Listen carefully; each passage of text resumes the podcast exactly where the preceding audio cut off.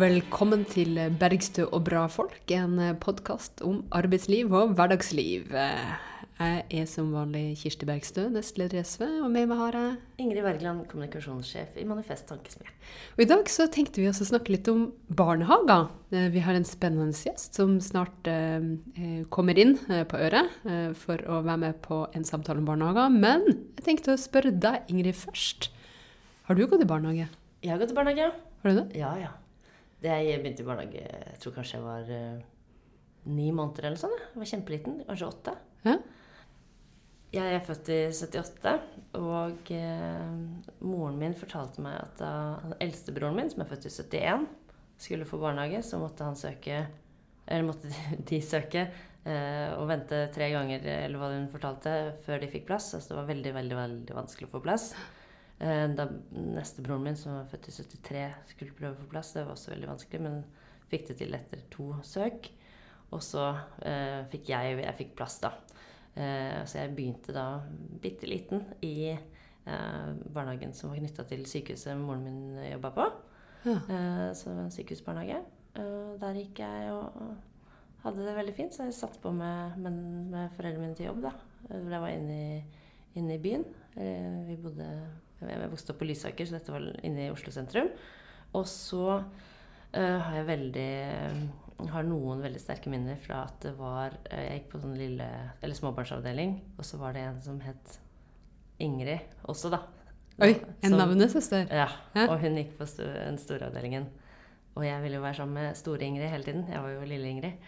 Så jeg drev og hang på store avdelingen hele tiden. Så til slutt så ble jeg bare flytta opp dit, for jeg var, var jo så mye der uansett. Så har jeg et veldig sterkt minne da fra at eh, vi lekte frisør. Eh, Jeg hadde to nydelige lange fletter, og så var det da eh, hun jeg lekte frisør med, da. Hun, ja, hun var frisøren, og jeg var kunden. Og da hadde hun en sånn ganske sånn sløv papirsaks, som hun da klippet flettene tvert av. Begge flettene. Ja. Begge flettene. Og, og, det, som, som, dette var jo da som sagt sykehusbarnehagen. Og jeg har et sånn minne som jeg tror er et helt fiktivt minne. Vet, sånn, sånn, sånn, sånn var det sikkert det skjedde, men som bare har, Dette er jo en historie jeg har fortalt hele mitt liv. ikke sant? Det var jo veldig sterkt. Så har jeg sånne der, ja, tulleminner, da, som sikkert ikke skjedde, av at mamma står oppe i, i et vindu på sykehuset og ser ned og bare Nei! men men jeg, jeg tror ikke det, altså. Og sånn du reagerte når du kom hjem? Ja, det var jo det, Det da. var det. Så reaksjonen eh, Eller kanskje noe henta deg, for du, du Ja, gikk kanskje ikke hjem selv. Så du dro i barnehagen med to lange, mørke, vakre fletter og kom hjem som et lite troll? Skamklippet barn. Ja, nei, så det, men det også ja, så flytta jeg til en barnehage som eh, Da jeg ble litt større, da, som, eh, da jeg var fire, så flytta jeg til eh, den barnehagen som lå rett ved siden av den skolen jeg skulle begynne på. Så Ja. da fikk jeg gå i barnehage med, med barna i nabolaget. Så det var jo fint. Da kjente jeg jo alle da jeg skulle begynne på skolen. Så fint. Ja, det var veldig fint. Ja. Du, da? Nei, vet du, jeg har hatt veldig lite tid i barnehage. Fordi min mor hun var hjemme deler av tida da vi var små. Så jobba hun hjemme. Eh, og da hadde jeg mer lyst til å være med henne enn i barnehagen. Så jeg, jo, jeg gikk jo litt i barnehage og har noen sånn minner fra det. Jeg husker at jeg fikk kjeft. Eh, og så husker jeg en gang jeg, jeg gikk og gjemte meg i et skap. Og så tenkte jeg sånn Ha, nå skal de få! Når de bare kjefter. Og så var det liksom ingen som leita. Så jeg lå jo i det skapet. Og når man er barn, så kjennes jo det kjempelenge ut. Eh, ja, og så husker jeg at jeg var på um, hadde en kjæreste i barnehagen. Som, um, som jeg fikk uh, Eller ga, det husker jeg ikke. Mitt første kyss av. Han heter um, Asle. Og jeg husker han var i barnebursdag hos meg en gang, og da sykla jeg rundt på en sånn der grønn, liten sykkel. Jeg Fylte fire år, og han satt bak. Eh, og, men i hvert fall så gikk vi på do sammen en gang. Det gjør jo unger, det syns unger er artig. Mm. Og da var det så mye kjeft å få. Oi. Ja, jeg lurer på om det var da jeg gikk og gjemte meg i det skapet. Og så husker jeg masse artige ting, at man lekte ute og dissa og eh, gjorde fine ting. Um, men hvis jeg kunne velge, så valgte jeg mor mi foran barnehage. Men jeg tenker at det der med, med, eh, med å få barnehager, det, eller få barnehager, det at barnehager har blitt bygd ut, det eh, har jo gjort livet ganske mye lettere. Fordi særlig, særlig når man hører på de historiene der foreldrene selvfølgelig måtte på jobb, og eh, man ikke hadde en ordentlig barnepass. Så, eh, så har du eksempler der folk skulle hente ungene tidlig eh, hos eh, dagmammaer. For det var jo det man måtte, Mm. eh, måtte ordne seg, Mm. siden det var så veldig, veldig vanskelig å få barnehageplass. Eh, og, og noen eh, opplevde å komme ti, tidligere enn man vanligvis gjorde, og, og fant eh, dagmamma som røkte inne, og, og en, en situasjon man kanskje ikke helt ønska for sine barn. Så det må jo være en annen verden å kunne Og denne lettelsen for den generasjonen som plutselig opplevde at her, her har vi trygge plasser til ungene våre. eh, Mindre tilfeldigheter. eh, Og eh, det at alle har rett til barnehageplass, det er jo en, en likestillingsrevolusjon på, på mange vis. Og så har det jo ofte blitt fortalt sånn at jeg, vi fikk barnehager, så derfor kunne kvinner begynne å jobbe. Men det er jo ikke den veien det var. ikke sant? Kvinner kom seg ut i det betalte arbeidslivet på, på 70-tallet, og da presset jo da behovet for, eh, for barnehager seg fram.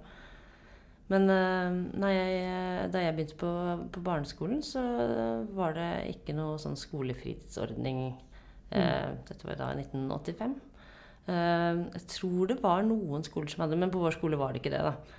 Eh, og man slutter jo kjempetidlig i første klasse og andre klasse og tredje klasse og sånn, så da hadde moren min, eller faren min òg, da sikkert, men jeg ser for meg at det var moren min som hadde gjort den avtalen, med vaktmesterkona. Oh, ja! For vi hadde en vaktmester som bodde i et veldig koselig lite hus på, i skolegården. Eh, Så der bodde da dette ekteparet med en godt voksen vaktmester og hans kone. Eh, Så da fikk jeg gå inn til, til vaktmesterkona da, etter, etter skolen. Og så var jeg der til jeg ble henta sånn i, i femtida. Og, og hun var veldig snill. eh, Og det var én jente til da, som, som også pleide å være der. Og vi, vi hadde det kjempehyggelig. Vi koste oss. Jeg husker eh, jeg lærte å strikke. Oi, i, når du, altså i første klasse? Ja, ja. Oi, det var veldig imponerende. Det var veldig imponerende, men det er mer imponerende enn som så. Jeg lærte å flette sånn flett, Nei, altså strikke sånn flettemønster. Og det er jo altså, noe de fleste voksne syns er ganske vanskelig. Jeg tror ikke jeg vet hva det er. Nei, altså Sånn at det ser ut som fletter i, i genseren. da. Man liksom. strikker ei flette. Ja. Det er sykt fint, og ganske imponerende av en, eh, en sjuåring.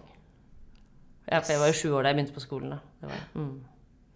Det er jeg imponert over. Du kunne jo fått jobbe Altså, Du kunne jo vakt- fortsatt med det. Det er vaktmesterkona vi må bli imponert over her, som klarte å lære meg det, syns jeg. Ja, det var godt gjort. Men uh, her hører du, jeg husker ikke navnet hennes engang. Hun var bare vaktmesterkona. Men du var i hvert fall i henne. ja, veldig. Mm. Og så ble skolen bygget ut, og da reiv de huset til vaktmesteren. Nei. så- Ja, de gjorde det. Så jeg vet ikke åssen de har organisert vaktmestertjenestene på Jar skole ute i Bærum nå, men eh, det er nok på en annen måte. Ja, men vi får håpe i hvert fall de har vaktmester, for det er en viktig funksjon. Både for skolen og for ungene eh, så er vaktmesterne kjempeviktige. Ja. Og selvfølgelig for dem som jobber der. Og at det er en del av, av eh, personalet, og at ikke det er en sånn tjeneste man, man kjøper inn. Mm. Mm. Men uh, vi Nå har jo jeg blitt voksen selv, da. Og fått barn selv. Uh, og jeg, jeg har vært blant de heldige som har fått barnehageplass eh, eh, ganske så med en gang til alle ungene mine. Eh, to av dem er født eh, på en sånn perfekt tidspunkt i september. Sånn at de akkurat kom inn i liksom, opptaksordninger og sånn. Var du med vilje? Nei. Det var ikke måte på planlegging. Mitt inntrykk er at mange gjør det, da. Ja, det kan Ja. godt hende. Eh, Det er godt gjort. Eh, og så han, eh, Men han minste som er født i februar, da hadde vi, da hadde vi noen sånne par-tre måneder som var ganske sånne lappeteppe, da. Men det er jo ingenting i forhold til hva folk har, har stritt med før, da. Men da hadde vi en del sånn andre venner som også var uten barnehageplass, hvor vi sånn, kjøpte oss en sånn eh, søskenvogn og drev og trilla på hverandres unger en dag. Og Mm. fikk liksom Fikk dagene til å gå opp eh, likevel. Det er jo det man har måttet gjøre. Man har, må liksom ha lent seg på de fellesskapene man har. Eh, Noen har vært så heldige at man har bodd i nærheten av eh, besteforeldre og eh, slekt og venner og sånt. Så det har jo gått på et vis, men det er nå mer stødig når man kan gjøre ting organisert i fellesskap, og sikre at alle har et fellesskap. Absolutt. Men i den barnehagen mine barn gikk, så var det da de første, ja, første fem årene vi, vi hang jo rundt i den barnehagen i ja, Hvor mange år ble det til slutt? Det var jo ganske mange år, da. Eh, fra 2006 til, eh, eh, 2016 Ja, det var sånn 10-11 år, da. Så, I samme barnehage? Ja. Oi! vi hadde jo alle disse barna der, da. Ja. Veldig hyggelig. Du blir veldig knytta til personalet. Veldig, veldig fine folk, som, og et veldig stabilt personale også. Så det, Ja. så det, det, det var en fin, fin tid. Eh, men der, eh, der hadde de faktisk kveldsåpent. eh, som et, et eget tilbud, da. De hadde en egen avdeling som var eh, åpent eh, Da måtte, var åpent helt til eh, åtte, eller var det ni? Så da måtte man selvfølgelig levere barna seinere, da. Og da måtte man skrive seg opp da uka før om hvilke Så var det plass til Jeg husker ikke om det var seks barn eller sånn da på den avdelingen. Så skrev man seg opp, da. Så var det Hvis det var et lite barn, så tok det opp to plasser også. Eh, ja. Eh, men det, det var jo den eneste kveldsåpne barnehagen i, i, i Oslo som var kommunal. Jeg vet, det finnes vel noen knytta til sykehus og sånn som er det, tror jeg. Men, eh, men dette var en kommunal eh, Mm. barnehage. Men da kunne man da søke seg dit fra, fra andre bydeler også. Men, eh, men det var jo de som brukte det mye, var jo særlig folk som eh, ja, jobbet eh, skift, da, eller hadde jobbet mye på ettermiddager. eh, Folk som jobbet i kulturskolen, f.eks., som underviste eh, barn i musikkinstrumenter og sånn på ettermiddagen. Sånn. For dem var det jo kjempekjekt at, at barnehagen var åpen på, på ettermiddagen. Så kunne de være sammen med ungene sine på, på Men- formiddagen. Når du sier sånn kveldsåpent, så mener du ikke tillegget til, eller? Ja, det var åpent fram til åtte-ni om Frem kvelden. til åtte-ni, ja. ja. Så ikke Mm. sånn at barna ble lagt i barnehagen, Nei da. Nei, de bare ble kunne bare henta der frem til de skulle hjem og legge seg. Mm. Ja. Så det, det var et tilbud som Men det var jo ikke noe, det var ingen som spurte sånn Hva skal du? Skal du gjøre noe som er nyttig, liksom? Men man skrev seg da bare opp. Eh, De fleste vil jo være med ungene sine når man kan. Da. Ja. Ja. Ja, altså, altså, Og dagen ble vel ikke lenger for ungene? Nei, ikke sant. De hadde jo et visst antall timer de kunne være der uansett. Eh, Så det blir jo bare at man da leverer dem senere. Men eh, det var jo veldig greit for eh, ja, selvfølgelig som jeg sier, skiftarbeidere og og folk med Eller folk som jobbet eh, Det var en fyr vi kjente som jobbet på, på en eh, SFO, som, eh, som det var veldig greit at barnet kunne være seint. Så kunne han hente etter det. Mm. Men, men det ble jo Det ble lagt ned, da. Det første vi hadde mange runder. Det hadde vært oppe Da det ble stengt ned, så hadde, vært, hadde den vært der i 20 år, da. Med sånn kveldsåpent? Mm. Ja. Altså, barnehagen eksisterer fortsatt, men den kveldsåpentilbudet kveldsåpent tilbudet ble lagt ned etter 20 år. Men hvorfor ble den det, da? Nei, det var jo et dyrt uh, tilbud, da. Mm. Det var jo ikke så mange barn som benyttet seg Altså, det var ikke åpent for, å ha det for så mange barn. Og så, så det ble liksom en ekstrakostnad. Og i en bydel med allerede utgifter til det man, altså det er jo mye med vikarer som skal dekkes inn ved sykdom, og det er mye penger som går til, til barnehager uansett. Så, så ble det en, en prioriteringssak, da. Mm. Nå vet ikke jeg om det liksom, å kjempe for eh, liksom, døgnåpne barnehager og kveldsbarnehager og sånn skal liksom være eh, Det er ikke, det er ikke min, min fremste kampsak, liksom. Men, men, eh, men, men sånn som dette fungerte, så, så syns jeg det var et bra tilbud for de som, som trengte det. da. Så kunne man jo kanskje ha liksom noen eh, noen sånne i, i store byer hvor det, eller områ- eh, kommuner hvor det er, er mange som eh, så kan, så kan de som trenger det, søke seg dit, da. Mm. Men samtidig også, på, på mindre steder, så har du jo turnusarbeidere og folk som jobber eh, jobber på ettermiddag og, eh, og kveld. Eh, så, så det som er viktig, er jo at, eh, at man har en bemanning som lever opp til det, og at eh, de som jobber på, på, eventu- på, på kveld, også har eh, lønn og arbeidsforhold deretter. Da. For der, eh, der er det vel ikke gitt at eh, det beste og eneste tilbudet man kan gi til ungene, må være på morgenen. Nei da, absolutt. Eh, Men samtidig så er det jo med denne fremveksten av dette døgnåpne samfunnet som vi snakket om i, i Så mange ganger før. ja, Jeg tenkte på den, særlig den, den episoden hvor vi hadde med Jon Thomas Stur fra Ja. Handel og Kontor. ikke sant?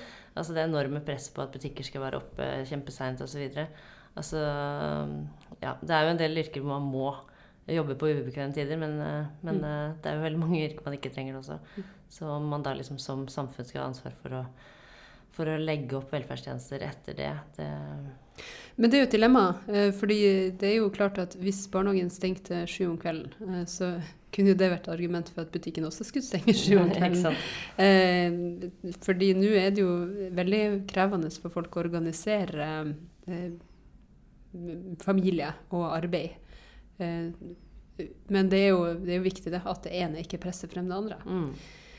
Og så er det jo eh, det store spørsmålet hva er bra for ungene, og hva er liksom bra for, eh, for arbeidsfolket og arbeidslivet. Mm. Um, kanskje vi skal introdusere dagens gjest? Det kan vi gjøre.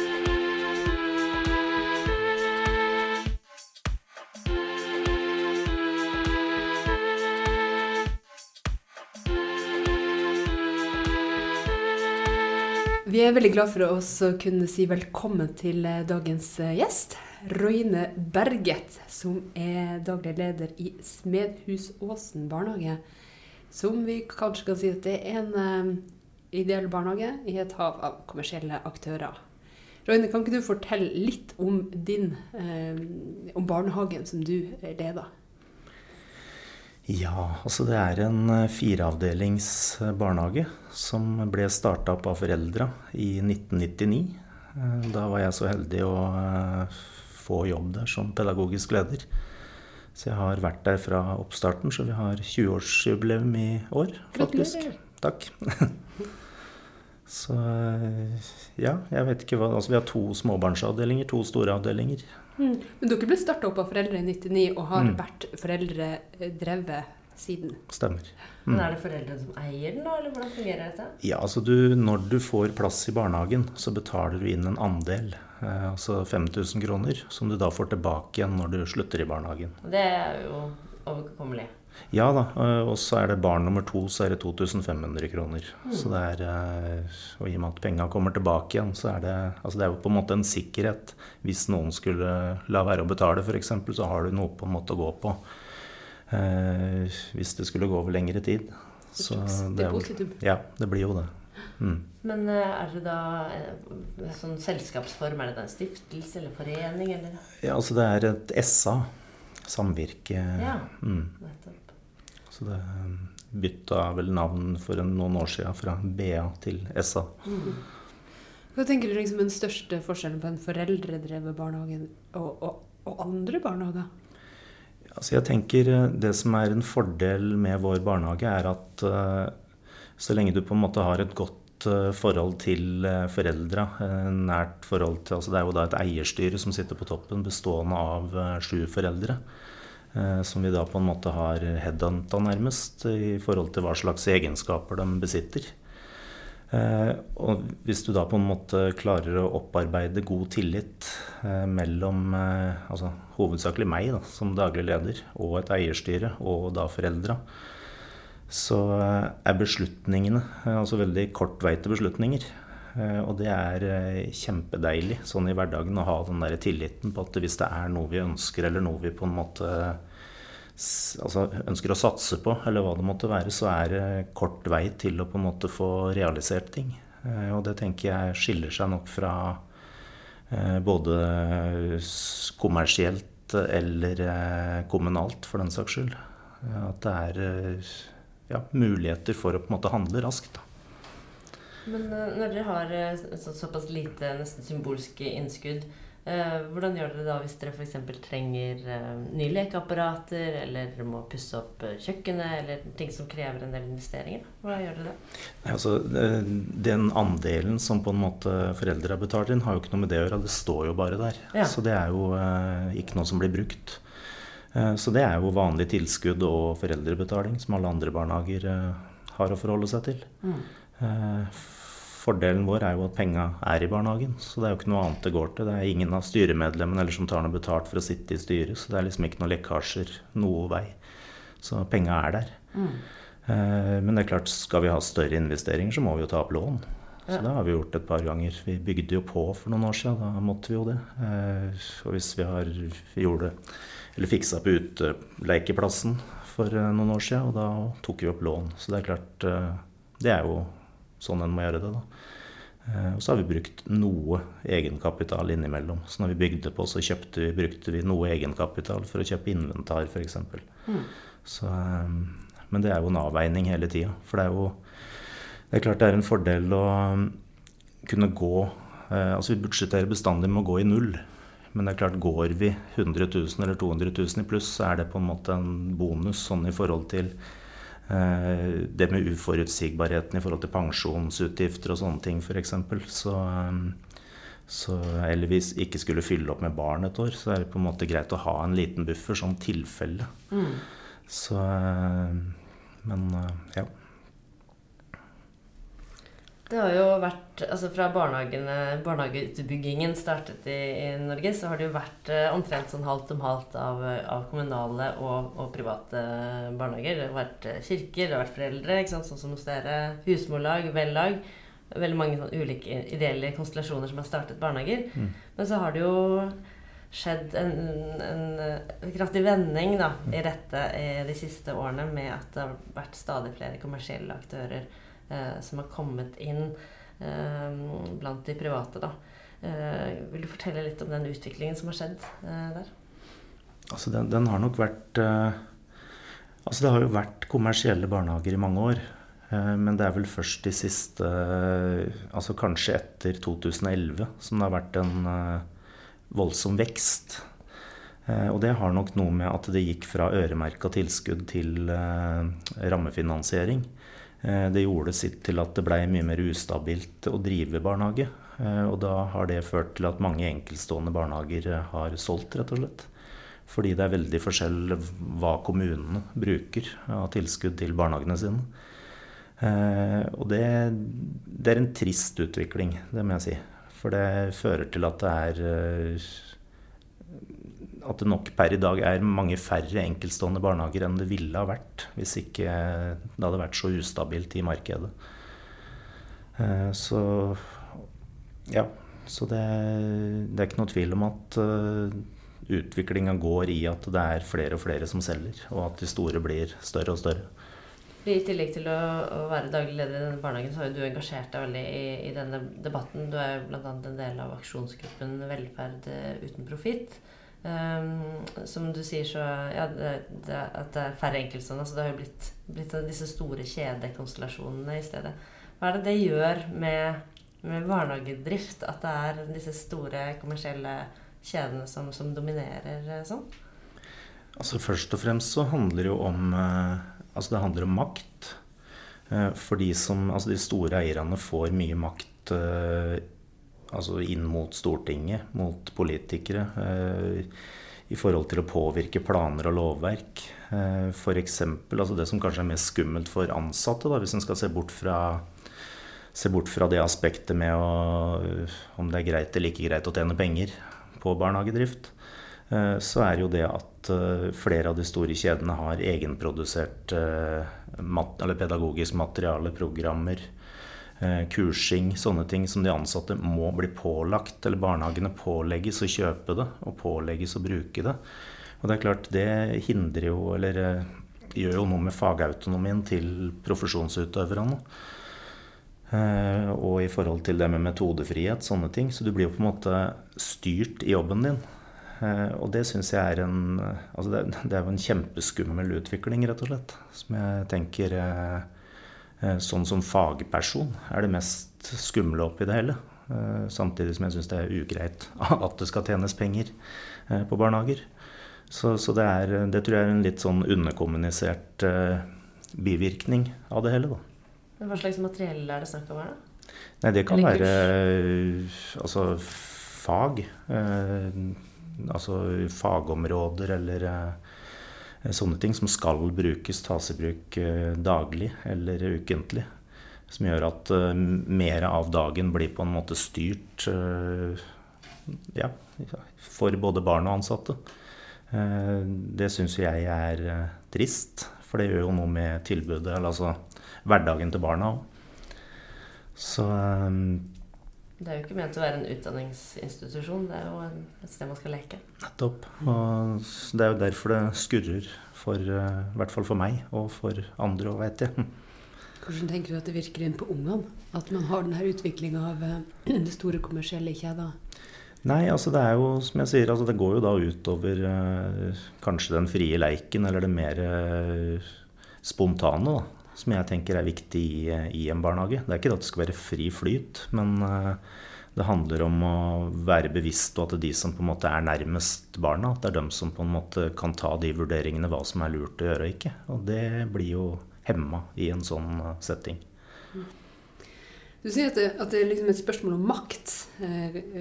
Men der er, har jo barnehagene sin, sin aktør, Private Barnehagers Landsforening, PBL, som jo står veldig på for de kommersielle barnehagene spesielt, har vi lagt merke til. Hvordan, hvordan tenker, Har du noen tanker rundt liksom deres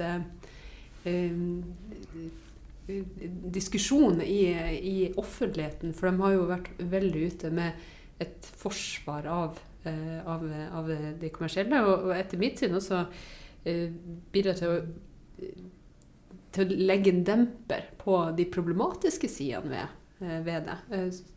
Så jeg har jo vært og besøkt flere sånn foreldredrevne barnehager, bl.a. i Kristiansand, som, som, var litt frustrert over at de opplevde at deres stemme og interesse drukna litt i den her store barnehagediskusjonen som, som, de følte seg ikke alltid så representert i. Ja, det er nok lett å kjenne seg igjen i det.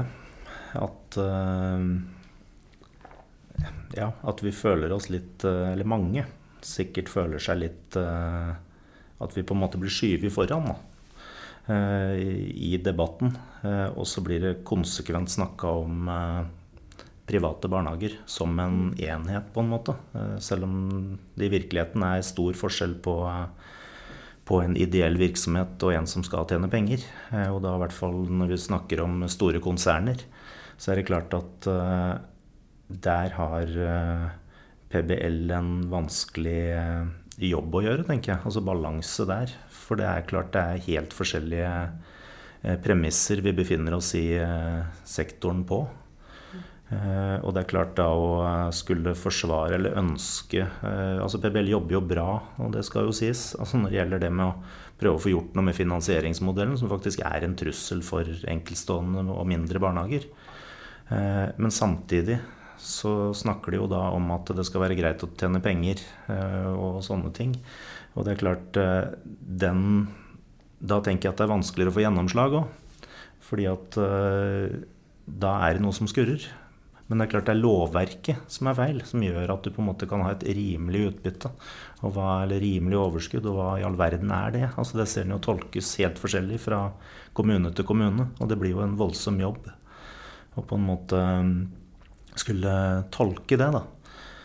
Så um, Nei, altså vi er jo um, Når det gjelder PBL, så er vi jo nå Jeg sitter i ei aksjonsgruppe for enkeltstående barnehager. Eh, som vi på en måte prøver å gjøre noe nå foran landsmøtet i forhold til å få gjort noe både med vedtektene eh, og i forhold til hvem vi tenker bør sitte i styret i PBL. For vi mener at eh, det er sånn som det er i dag, så mister eh, organisasjonen både gjennomslagskraft og troverdighet, tenker jeg. Så det er viktig å få gjort noe med.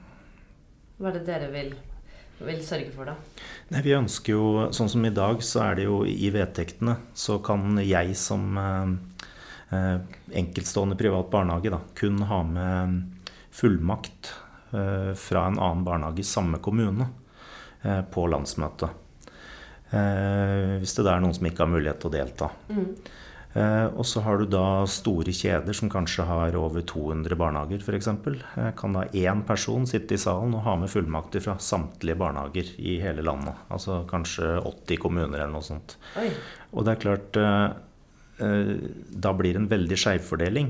Og det er mange barnehager som på en måte er enkeltstående i kommuner der det nesten bare er kommersielle eller at det bare er, eh, at det er få barnehager. Mm. Eh, små barnehager som ikke har mulighet til å sende folk på landsmøte. Og da har du heller ikke mulighet til å sende fullmakter med noen.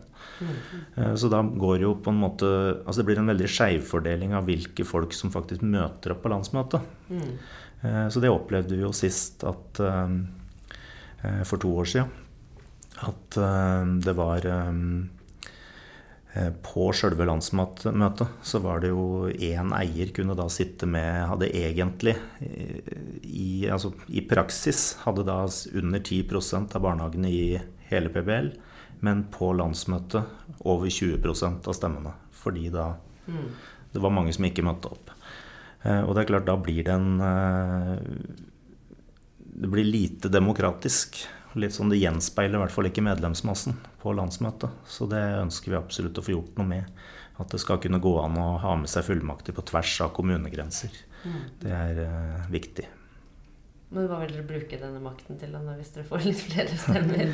Nei, altså det tenker jeg handler jo om uh, å på en måte kunne påvirke åssen vi ønsker at PBL skal framstå utad. Uh, og det er det jo mange som har gitt tilbakemeldinger på. For vi sendte jo da ut en mail til samtlige enkeltstående barnehager i hele landet. Uh, for å på en måte prøve å mobilisere nå før landsmøtet. Og tilbake... Det var fra den aksjonsgruppa? Stemmer. Ja. Mm. Så da hadde vi sjekka opp Så vi hadde mailadresser til samtlige barnehager i hele landet, som da er IPBL og enkeltstående. Og eh, responsen derfra er eh, hovedsakelig veldig positiv. Og at eh, godt at noen endelig tar tak, og at noe må gjøres. Så vi håper jo at det er flere som møter opp nå, og at vi kan få, sånn at vi kan få gjort noe med det. Det er Ja. Jeg vet egentlig ikke om jeg svarte på spørsmålet. jo, det er fint, det. Absolutt. Men, men, i tillegg til dette med fagligheten og, og altså den pedagog... Altså hva, hva, hva, kalte du den? Altså pedagogens frihet da, til å utøve sitt, sitt yrke. Eh, så var du inne på dette med å, å, å tjene penger på, på barnehager. Er det, eh, er, det, er, det, er det, også en viktig liksom, drivkraft for deg i, i, i kampen mot eh, kommersielle barnehager? Ja, så jeg tenker jo Når det går utover driften, eller utover barna og ansatte, altså da er det feil. Altså da, er, da blir det brukt for mye penger feil, tenker jeg. Eh, så det er jo det det handler om, at eh, tilskudd og foreldrebetaling det skal gå til, eh, til barna. Altså det skulle bare mangle, tenker jeg. For det er ikke som en annen slags bedrift der på en måte det handler om produkter. altså Dette handler om mennesker. Og det tenker jeg det kan vi ikke skalte og valte med, rett og slett. Men så hører man jo da Høyre-folk f.eks. si at hvis ikke det går an å tjene penger på, på barnehager, så er det ingen som, som kunne gidde å drive det? Hva tenker du om det? Det tror jeg faktisk er feil. For da tror jeg du vil på en måte få tilbake de eh, altså Kall det de gründerne da, som på en måte hele tida blir dratt fram. Som faktisk kanskje starta opp med at altså var ildsjeler. Altså det er klart det fins noen fremdeles. Men det er klart at det fins flere som ville ha gjort det hvis forholdet hadde ligget til rette for det. Og det da hadde ikke vært noe vits i å selge heller. Eh, så det er klart eh, ja, jeg tenker eh, de som ikke er der for å, altså i sektoren for å drive gode barnehager, at det er, at det er for barna de er der, først og fremst. Altså, da har de ikke noe der å gjøre, tenker jeg. Det, er, det skal være barnehager for, ja, for barna. Det skulle bare mangle. Og jeg tenker ja, det, det, argumentet holder ikke for meg, i hvert fall. Men det ville vel en kommersiell eh, barnehageaktør sagt òg, at vi, vi, vi, klarer å gjøre to ting på en gang. Vi driver, vi driver godt og, både for barna, og, og, så klarer vi å drive effektivt og, og får derfor ut, uh, ut, litt overskudd også. Ja, men det som har vært interessant å se da, det er jo tallene på bemanning. Eh, der har jo de store kommersielle kjedene ligget eller hatt dårligere bemanning konsekvent. Og det er klart, med stordriftsfordeler og sånn som de har, så burde de ligge langt under på bemanningstetthet. Og likevel kunne tjent penger. Eh, for det er klart, eh, Så her er jo et eller annet som skurrer. Ja, så de kunne hatt bedre bemanning. Ja, ja, mm. Så eh, det er klart For det er sikkert en god del å hente på stordriftsfordeler. Og det er klart, da kunne du ha, i hvert fall ha vært nede på samme nivå når det mm. gjelder bemanningstetthet som gjennomsnittet av andre enkeltstående eller kommunale barnehager. Og når du da likevel ligger med dårligere bemanning og skal tjene penger i tillegg, så kan en jo tenke seg at det er et eller annet som skurrer der i forhold til hva slags tilbud som faktisk blir gitt. Selv om det utad skal være veldig bra. Mm. Jeg hører ofte høyresida si snakke som om, som om eh, Problemet er at de, eh, folk nærmest tar ut lønn. Og det, for det er, jo, det er jo der de blander seg når de sier sånn mm. Vi vil ha eh, altså Venstre sier jo at her er jo kvinnearbeidsplasser og kvinnelige gründere. og eh, man må jo kunne eh, ta ut, eh, ta lønn eh, og, og mm. leve av jobben sin. Mm. Eh, og da blir det jo en voldsom saus. Mm. Hvordan skal man skille ingrediensene i denne sausen? Roine? Nei, altså Det er jo det som blir litt sånn nesten komisk. For, for jeg jo skjønner jo det og syns jo det er helt greit at altså har du på en måte investert penger, driver en barnehage, så er det helt greit for meg at du tjener 100 000 eller 200 000 mer enn meg i året. Altså, det, er ikke, det, er ikke, det det handler om. Altså lønn. Uh, men det er jo når det på en måte sauses sammen, som du sier. Det med at skal det ikke være greit å gå med overskudd? Ja, så er det jo ikke overskuddet det handler om. Altså, det er jo hva det overskuddet gjøres med etterpå. Så det er så mye sånne rare ting som blir lagt fram som på en måte ikke handler om det som er problemet. Da. At det forsvinner penger vekk. Eh, det er noe annet. Eh, så husleier på ja, gud veit om store størrelser, hadde jeg nær sagt, og sånne ting som på en måte er Eh, ja, gjør at du kan tjene penger på andre måter. Da. Eller, du tenker på internfakturering, ja, at selskapet mm. betalte seg sjøl? Det er jo sånne ja. ting som på en måte er eh, Eller du oppretter flere selskaper og sånne ting og flytter penger. Og, altså Det er jo der hovedproblemet ligger. Ikke at folk eh, tjener en anstendig lønn, hadde jeg nær sagt. Det, ja, for det er jo noe som har kommet en del fram eh, også gjennom boka 'Velferdsprofitørene' av Linn Herning som også er engasjert i denne aksjon, aksjon uh, Velferd uten profitt, som du er med på. Eh, nettopp denne meget kreative selskapsstruktureringen som, som, mange av disse selskapene driver med. Uh, er dette noe du ja, vil fortelle litt mer om? Det, det regner med at ikke dere holder på med det der hvor du jobber, da. Men Nei, den er ganske enkel. Den, det, er, det, er, barnehagen og ferdig med det, hadde jeg nær sagt. Uh, vet du hva, jeg kan det, det, blir, For meg så blir sånt for innvikla. Jeg, jeg, skjønner ikke. Og jeg så leste en artikkel i jeg tror det var Dagens Næringsliv uh, for en stund siden, der det òg sto at uh, dette her er så innvikla, så på en måte selv dem måtte nesten gi tapt i forhold til å skjønne åssen ting fungerer. så ja, det tror ikke jeg skal begi meg ut på. Men det er klart det er jo en finurlig måte å flytte penger på så det blir usynlig eller borte. Ja, for Du var jo litt inne på det selv med det at man mm. oppretter kanskje et eiendomsselskap mm. ikke sant, under eh, eller parallelt med barnehagen, som da barnehagen leier av. Og da kan man jo da sette den leia man vil. siden det jo... Mm. Og selv om det i loven vel heter at det skal være liksom markedspris eller et eller annet sånt, så, så det er jo det uh, mulig å trikse med også. Og særlig med tanke på hvor, hvor lite tilsyn som faktisk gjøres i alle disse barnehagene. Mm. Ja, lite tilsyn og uh, ulik kunnskap bortover fra kommune til kommune i forhold til hvem som har mulighet til å faktisk uh, Eller kompetansen til å føre dette tilsynet. Så ja, det er Jeg tror det er store muligheter for å jukse hvis en først ønsker å gjøre det. Og egentlig med loven i hånden òg. Og det er jo det som er trist. Fordi det er så stort tolkningsrom, da.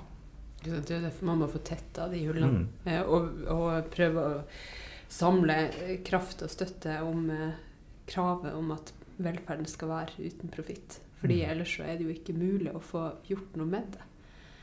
Eh, fordi Ja, det er jo vanskelig å få oversikt. Jeg syns jo det er et argument i seg sjøl. Det du sier at det er så krevende å skjønne de strukturene og forstå hvor pengene forsvinner. Mm. Sånn kan man jo ikke drive barnehager i Norge i dag.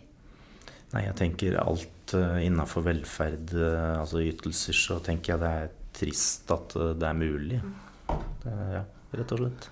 Tenker du at man, man bør utfase alle kommersielle hverdager? At man rett og slett Fordi nettopp den reguleringen er såpass krevende med tanke på tilsyn, at man heller bør stille krav om at det skal være en forening eller et SA eller hva det heter hos deg, eller altså samvirke heller, eh, heller, enn et AS. Fordi AS i seg selv på en måte har som det underliggende premiss at man skal, skal, tjene penger. da.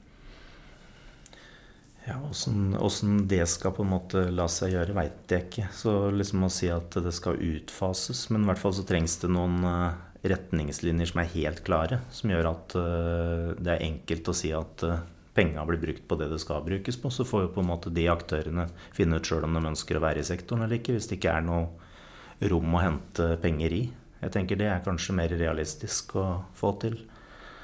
Eh, og så er jo, fins det jo òg Det er jo viktig tenker jeg, å få fram at det finnes så eh, private aktører som driver AS, som eh, har i vedtektene sine at de skal drifte ideelt og faktisk gjør det. Så at det ja, det, det, er jo en god del bra folk som er der ute. Som, eh, som, det er viktig å på en måte ikke ta eller skjære over samme lest som de som er der for å, primært for å tjene penger. Men det, jeg oppfatter jo at ditt engasjement handler om at vilkårene nettopp for dem er veldig krevende, sånn som regelverket er nå. Mm. Og, og at det er med på å drive frem denne ensrettinga og monopoliseringa i barnehagesektoren. Ja, det, det, blir jo sånn fordi det er så uh, uforutsigbart å drive. Mm. Så uh, er det mange som til slutt ikke orker å sitte altså med en sånn evig krangel med kommunen på en måte om å få tilskudd, da, mm. som er reell. Så blir det for tøft å stå aleine, rett og slett. Og det er klart, da er det jo markedskreftene som rår ofte. Og det jo ser vi jo at sånn Canvas Jeg har vært, eller prata med dem, og de la jo fram på et, med, på et det er en barnehagekjede? Ja, stemmer. Som driver eh, ideelt. Eh, og de sier at de er jo sjanseløse på markedet eh, fordi det betales overpris. Og det har ikke de sjans til. altså De følger markedsprisen, men da er det kun de som ønsker å selge til Canvas, som på en måte har mulighet, eller som, som de har mulighet til å kjøpe opp. da. Som, som ofrer noen, noen hundretusener for, å, ja, for å bli ideelle. Mm. For, for, å kjøpe opp, da? Når du ja, sier eh, hvis det er noen det betales som da, overpris. Ikke sant. Ja. Så det, det, kjøpes til noen summer som er helt hinsidige i forhold til hva som egentlig er verdien. Og da er en ideell aktør som Canvas sjanseløse på markedet. Og det sier jo litt om hvor feil dette her er. For hvorfor gjør du det? Det må jo være fordi det er tjent penger å hente. Så da blir på en måte den, det å kjøpe opp en ny barnehage blir som en uh, ny melkeku da, inni konsernets uh, Ja, altså jo former. større du er, jo større mer inntekter får du jo. Mm. Men, men du, du, er en veldig idealistisk person. ikke sant? Du forteller om uh, ja, din, din brennende engasjement for faget osv. Men, men påvirker denne, denne monopoliseringen og de kommersielle Eh, kjedenes framvekst. Påvirker det din barnehage på noen måte? Opplever du det liksom i din hverdag som, som daglig leder? Eh, ikke ennå, sånn direkte. Men det er klart, hvis eh, utviklinga fortsetter, eh, så vil det jo kunne bli sånn at uh, noen er nødt til å stå styringa. F.eks. Ja, om det er staten eller er kommunen som på en måte må begynne å pålegge alle sine barnehager om å følge spesielle opplegg eller retninger, sånne ting, for å på en måte overkjøre de kommersielle igjen. Og det er klart, da blir, jo, da blir, det en like feil variant på en måte som at Og da vil det gjelde alle. Så det er klart, det er en reell fare for at hvis utviklinga fortsetter, så må det tas i bruk andre midler for å kontrollere sektoren på en måte, og innhold og hva det måtte være. Uh, og det blir jo problematisert i en rapport som kom nå i våres, eh, barnehagelærerrollen i et profesjonsperspektiv. Eh, der står det jo at eh, det er en del kommuner nå som ikke har sjans til å på en måte stå opp imot de kommersielle aktørene. Så det er kun de største og mest robuste kommunene som er i stand til å på en måte kunne stille krav eller å følge opp og, og på en måte styre. Da. Og det er klart det er jo en Da har det gått altfor langt. Og det tenker jeg det er virkelig, virkelig bekymringsverdig. Eh, og det var jo òg i den rapporten som det sto at eneste de ser altså De mener det har gått for langt, hele greiene, så det er for seint å på en måte gjøre noe med det. Så det eneste som kan være, er at uh, kommuner da blir uh, får fullmakt til å på en måte styre hva barnehagen i sin kommune faktisk skal satse på. Og det er klart, da får vi en ganske trist sektor, for å si det sånn. Hvis det er virkemidlet. Men for seint å gjøre noe med det fordi at utviklinga har gått så langt? Fordi de store har blitt så store. Ja, Monopoliseringa yes. har så, fått sitt fotfeste. Mm. Så det er jo den rapporten vil jeg jo for så vidt anbefale dere å lese. For der står det, det er sånn gjentagende gjennom hele rapporten hva som er eh, problematisk kritisk med utviklinga som vi står midt oppi.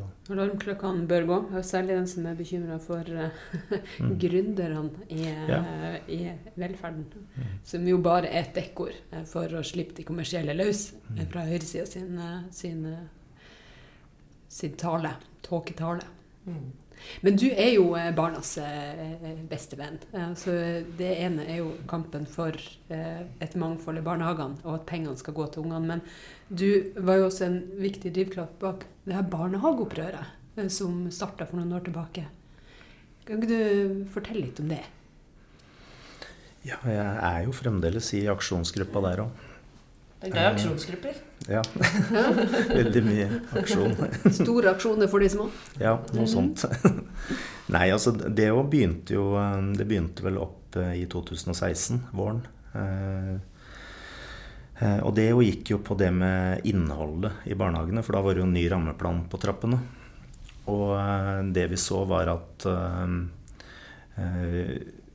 det var forslag om å på en måte kartlegge alle barn. Eh, det skulle mer eh, altså språkkartlegging. Det var i forhold til um, mer realfag, altså mer systematisk. Så det var mer, ja, mer skolsk, vil jeg nesten si at uh, det virka. Og mer kontrollert. Ja, på en måte. Uh, det var i hvert fall mer som skulle inn i barnehagene, som på en måte kan, om det ikke var direkte, direkte skolerelatert, så var det i hvert fall mer, en mer styrt hverdag og kontroll da, av det som skjer. Eh, så det var jo på en måte det første vi begynte å kjempe om. Eh, da hadde jeg allerede i min barnehage drevet og krangla med kommunen i eh, to år i forhold til det med tilskudd og sånne ting. Det blir da Rygge kommune ja, i Østfold? Ja.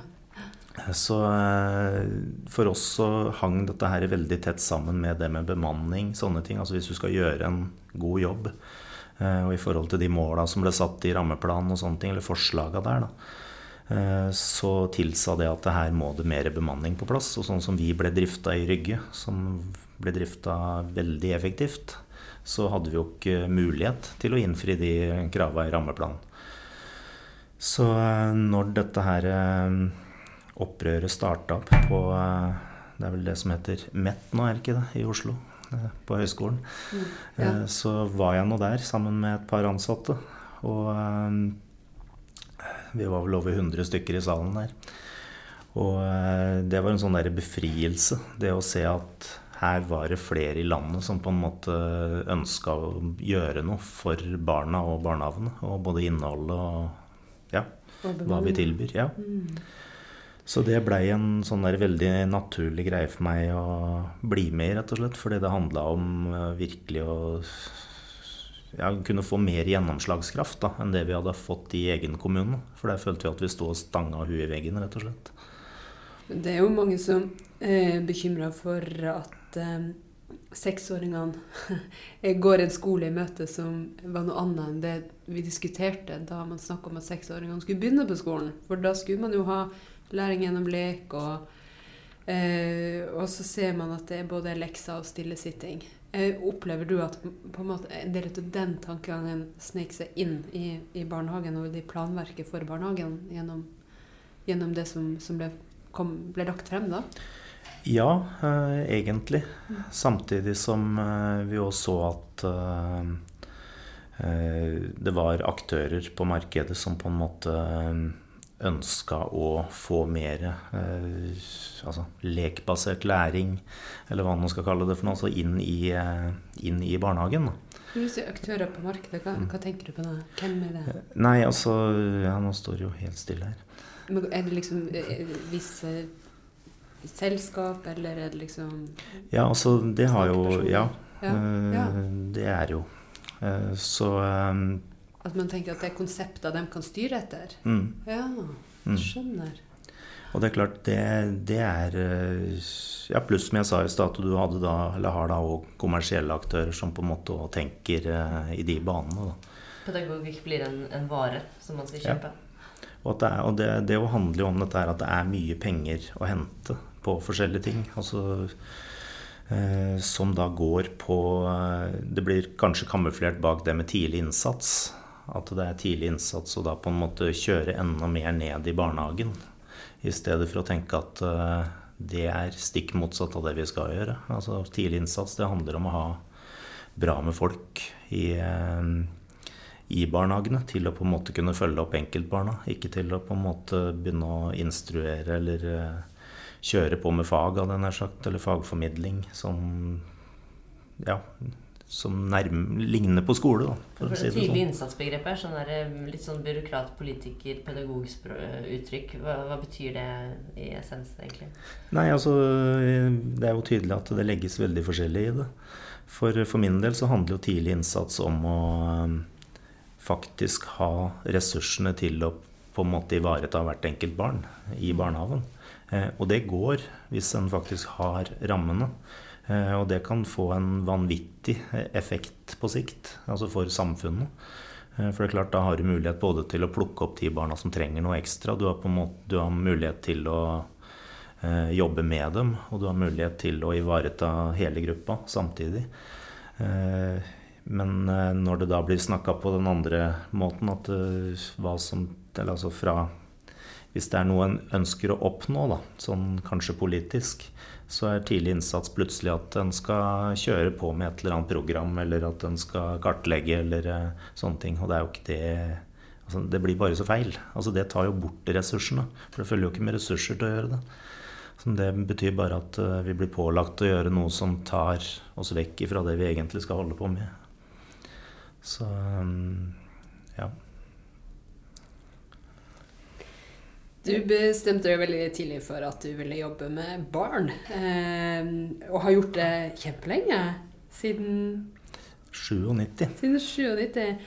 Men det var kanskje ikke din aller første jobb? Eller det vet jeg ingenting om. Vi har jo et eh, fast uh, spørsmål til alle våre gjester. Og det er jo uh, hva var din første jobb? Altså lønna, lønna arbeid? Ja, hvis jeg tar første lønna sommerjobben, så var det, jo, det var hos en nabobonde. Eh, det var å plukke stein ute på et jorde som han nylig hadde rett og slett eh, kapp, eller eh, Skauen var sagd vekk. Og så var det da om å gjøre rydde så det skulle bli til jorde. Så da ble jeg bare satt opp i en svær traktor og med svær henger og kjør dit og rydde. Hvor gammel var du da? Da var jeg vel um, 15, tenker jeg. Så jeg hadde ikke, hadde ikke lov til å kjøre. Men du kjørte det sjøl? så den hadde jeg aldri sittet i noe sånt. Men det, jeg kom meg fram og var, gjorde det jeg skulle. Ja. Måtte du plukke steinene for hånda? Ja, ja. Og oppi den her hengeren? Ganske interessant jobb. det var et svært jorde og mye stein. Og deg alene? Ja, ja. Helt du, alene. En traktor du egentlig ikke hadde lov til å kjøre, yep. og eh, en, masse stein. Hvor mange yes. uker brukte du på å tømme det jordet for stein? Jeg veit jeg, altså jeg tror kanskje ikke at jeg kom i land, men at jeg var der noen uker, ja, det var jeg.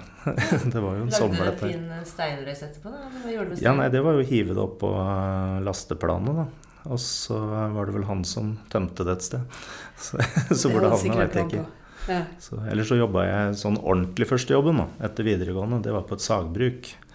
Så der jobba jeg til jeg var i og så var det da tilbake til sagbruket før jeg begynte å studere. Mm. Så litt andre arbeidsoppgaver eller yrker. Hva gjorde du på sagbruket, da? Der eh, kappa jeg plank, og jeg spikra paller. Ja vel. Så det mm, det ja. mangfoldige Østfold. ja, det kan du si.